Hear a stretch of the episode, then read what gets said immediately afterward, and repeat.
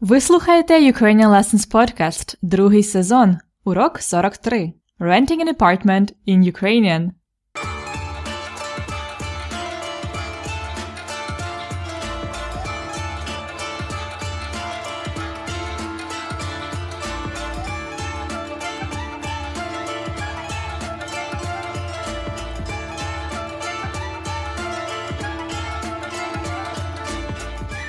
Добрий день! Це Анна, ваша вчителька української мови.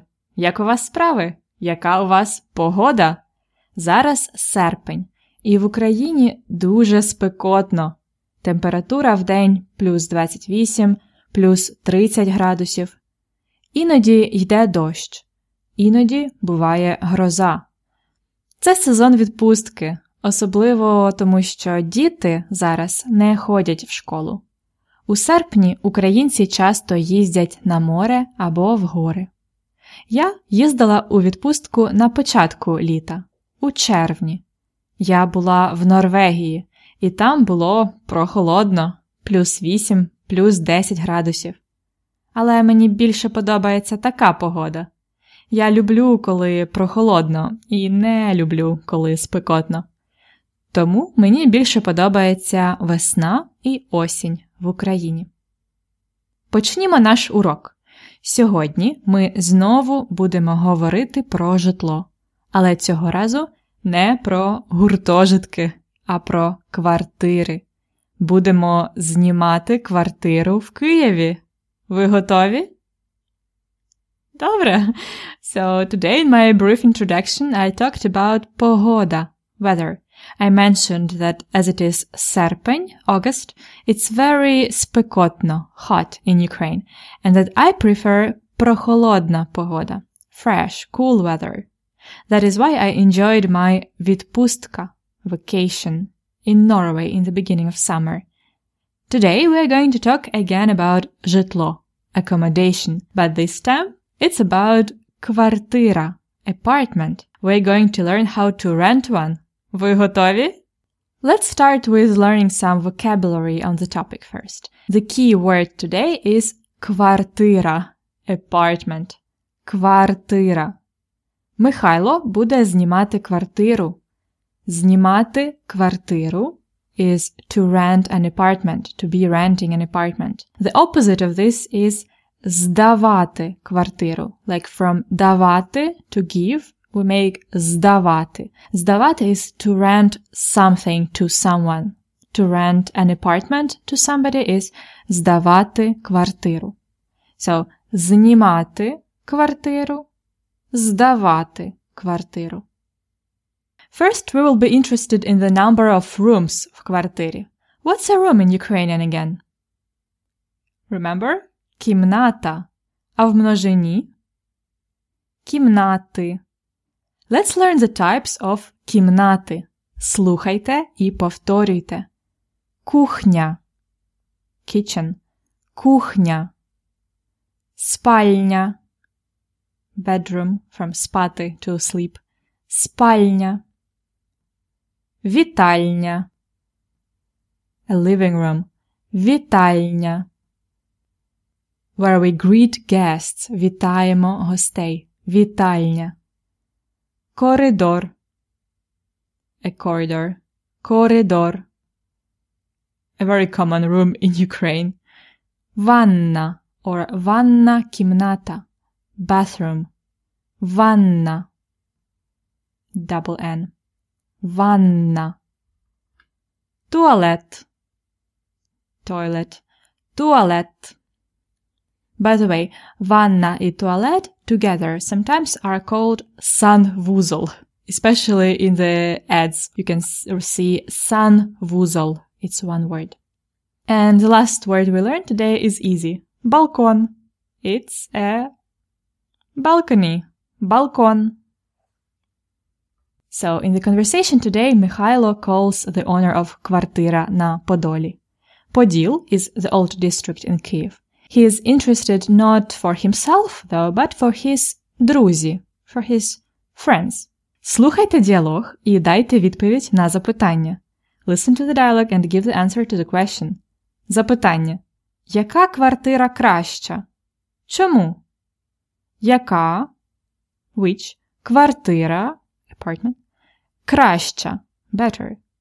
Чому? Яка квартира краща? Чому? Listen and find out. Перший раз. Алло, Алло, добрий день. добрий день. Ви здаєте квартиру? Так, дві квартири. Мене цікавить квартира на Подолі. Вони обидві на Подолі. Де вони розташовані? Є квартира біля метро Тараса Шевченка і двокімнатна біля метро Поштова площа. Розкажіть трошки більше, будь ласка. Квартира на Тараса Шевченка трикімнатна, кухня, вітальня і дві спальні, довгий коридор. Ванна і туалет окремо. Є старі меблі. Ремонт не новий, але жити вже можна. Добре. А друга квартира? На поштовій площі квартира двокімнатна, але кімнати дуже великі. Простора кухня, вітальня, балкон і одна спальня. Санвузол разом. В квартирі новий ремонт. Є бойлер, вся техніка. Ви шукаєте для сім'ї? Ні. Мої друзі хочуть знімати разом. Вони іноземці. Дівчата чи хлопці? Один хлопець і одна дівчина. Вони американці. Будуть працювати в посольстві. Вони дуже хороші люди. Тоді я рекомендую квартиру на поштовій площі. Вона менша, але там гарний ремонт. Є бойлер, і це чудовий район. Є супермаркет, ресторани, метро. Так, я думаю, це цікавий варіант. Можемо приїхати подивитися завтра, після обіду. Телефонуйте мені вранці і домовимося. Чудово! Тоді до зустрічі! До побачення. Слухайте ще раз. Алло, Алло, добрий день. добрий день. Ви здаєте квартиру? Так, дві квартири. Мене цікавить квартира на Подолі. Вони обидві на Подолі. Де вони розташовані? Є квартира біля метро Тараса Шевченка і двокімнатна біля метро Поштова площа. Розкажіть трошки більше, будь ласка. Квартира на Тараса Шевченка трикімнатна, кухня, вітальня і дві спальні, довгий коридор. Ванна і туалет окремо. Є старі меблі. Ремонт не новий, але жити вже можна. Добре. А друга квартира? На поштовій площі квартира двокімнатна, але кімнати дуже великі.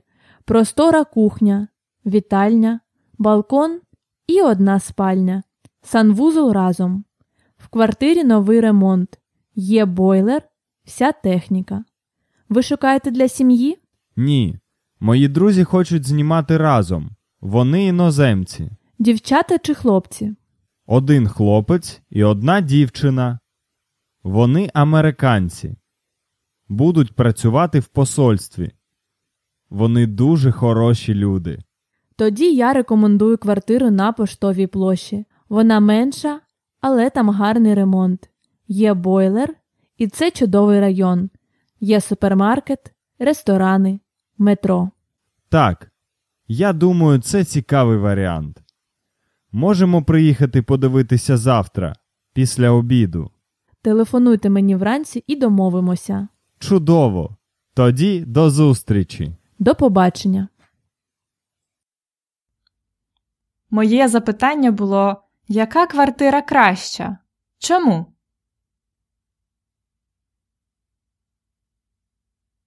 Яка квартира краща? Біля метро Тараса Шевченка чи біля метро Поштова площа? Квартира біля метро Поштова площа краща. Чому?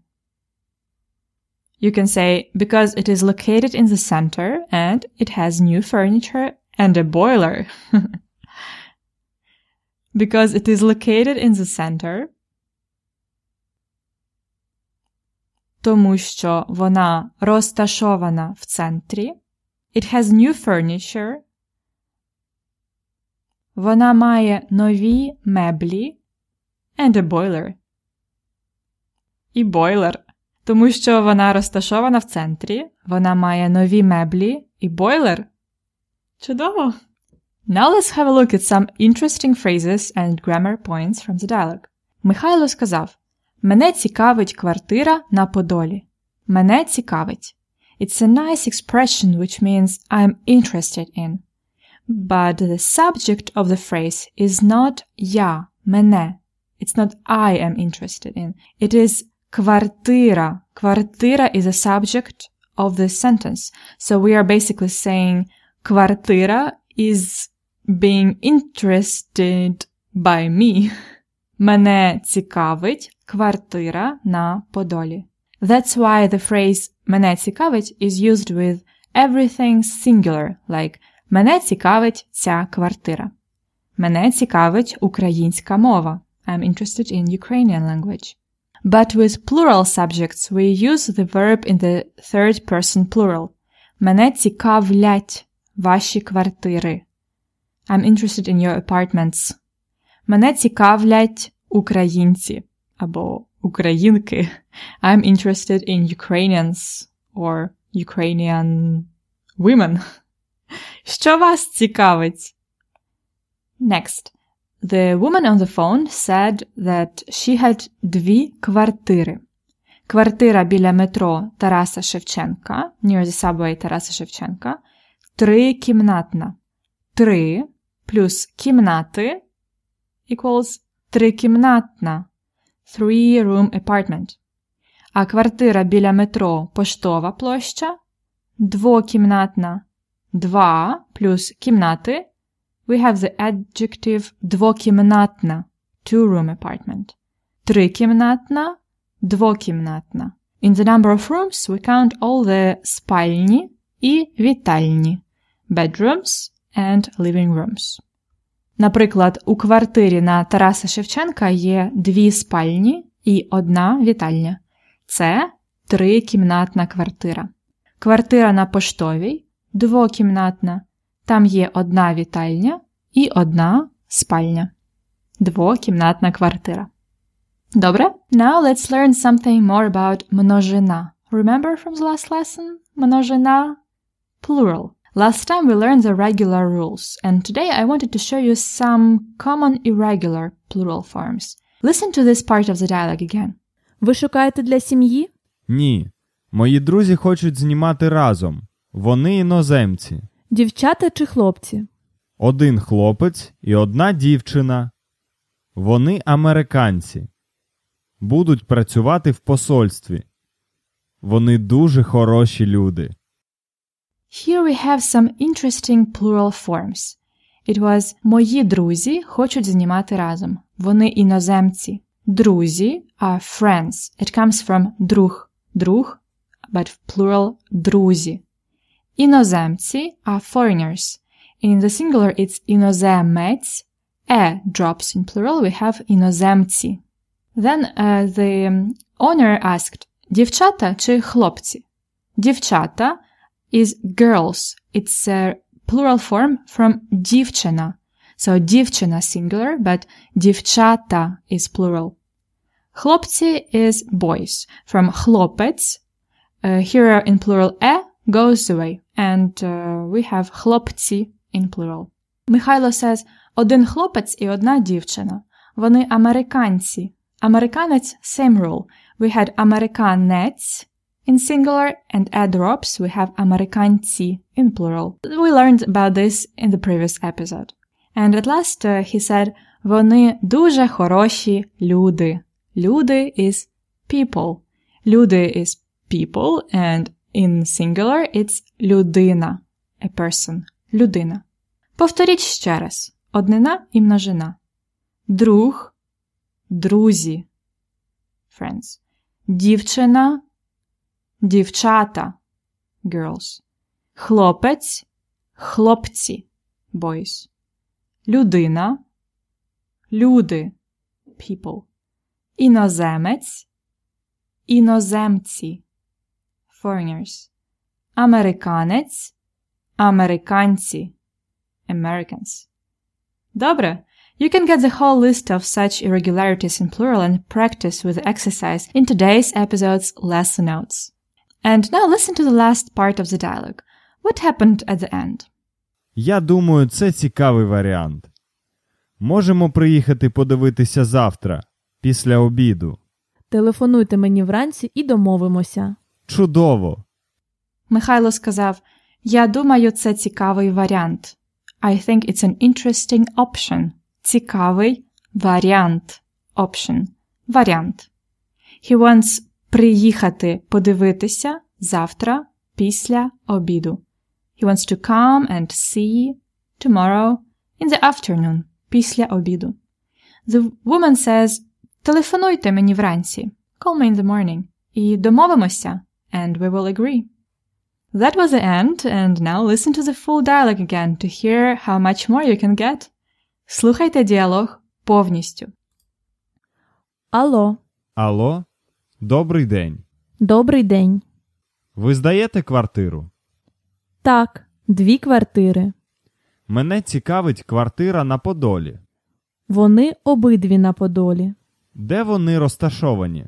Є квартира біля метро Тараса Шевченка і двокімнатна біля метро Поштова площа. Розкажіть трошки більше, будь ласка. Квартира на Тараса Шевченка трикімнатна, кухня, вітальня і дві спальні, довгий коридор. Ванна і туалет окремо. Є старі меблі. Ремонт не новий, але жити вже можна. Добре. А друга квартира? На поштовій площі квартира двокімнатна, але кімнати дуже великі. Простора кухня, вітальня, балкон і одна спальня.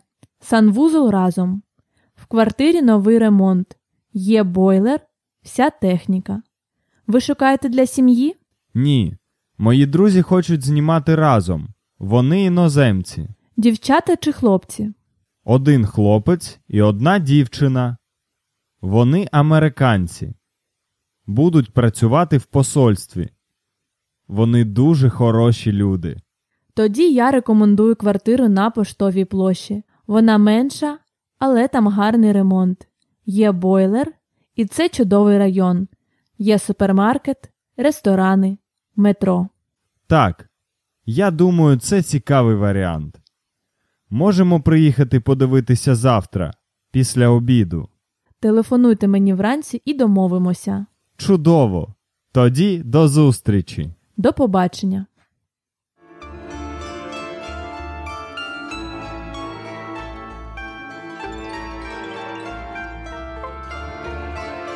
So, how was it? Краще? Better? А тепер ви хочете зняти квартиру в Києві. Let's practice asking questions when you are looking for the apartment to rent. Let's start with Are you renting an apartment?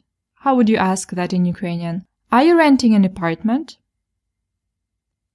Ви здаєте квартиру? Notice that we use квартиру. It's accusative case that comes after the verb квартиру. Ви здаєте квартиру? 2. Is the apartment two-room or three-room? It's not very nice in English maybe, but that's what we would ask. Квартира двокімнатна чи трикімнатна? Квартира двокімнатна чи трикімнатна? 3. Do you have a boiler? У вас є бойлер? У вас є бойлер? 4. Do you have furniture? У вас є меблі?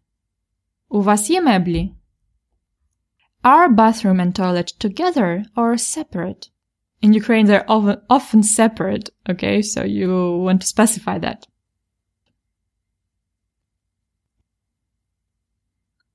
Ванна і туалет разом чи окремо? Разом чи окремо? You can also say санвузол. Remember this word which means both ванна і туалет. Санвузол разом чи окремо? I hope that exercise was useful. Don't forget to repeat when I have blanks. Цікавий факт про Україну. Як знімати квартиру? Let me share with you three pieces of advice about the specifics of renting an apartment in Ukraine. Of course, there are some universal things that you can take into consideration renting an apartment anywhere, but I will tell you something which is particularly important for Ukraine, especially Kyiv. Number один is boiler.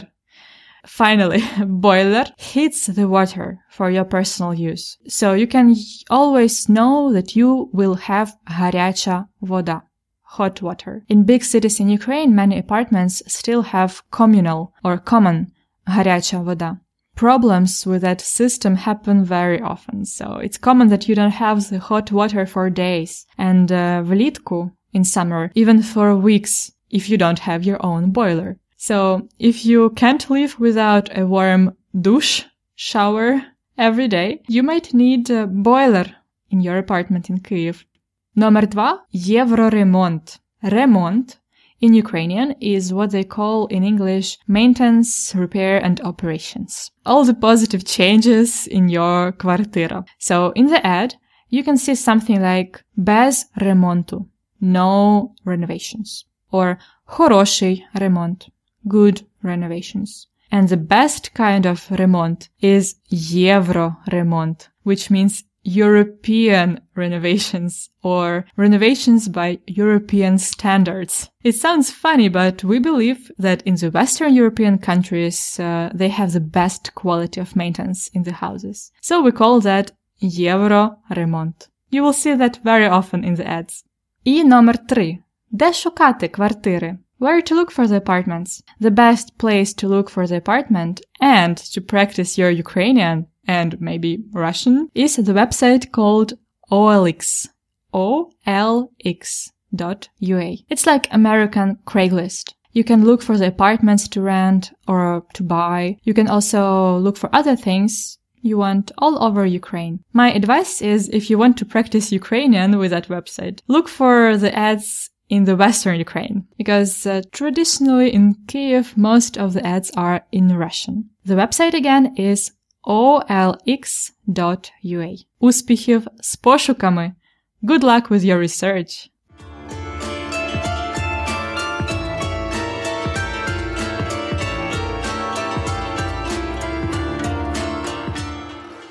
А ми закінчуємо епізод 43. Урок про квартири, кімнати і бойлери. Сподіваюся, вам подобаються нові епізоди. If you enjoy the podcast, I will appreciate your leaving a review anywhere you listen to the podcast on iTunes, Stitcher, or even at my website. You can also enjoy learning with extra materials, transcripts, word lists, charts, and exercises I prepare for every lesson.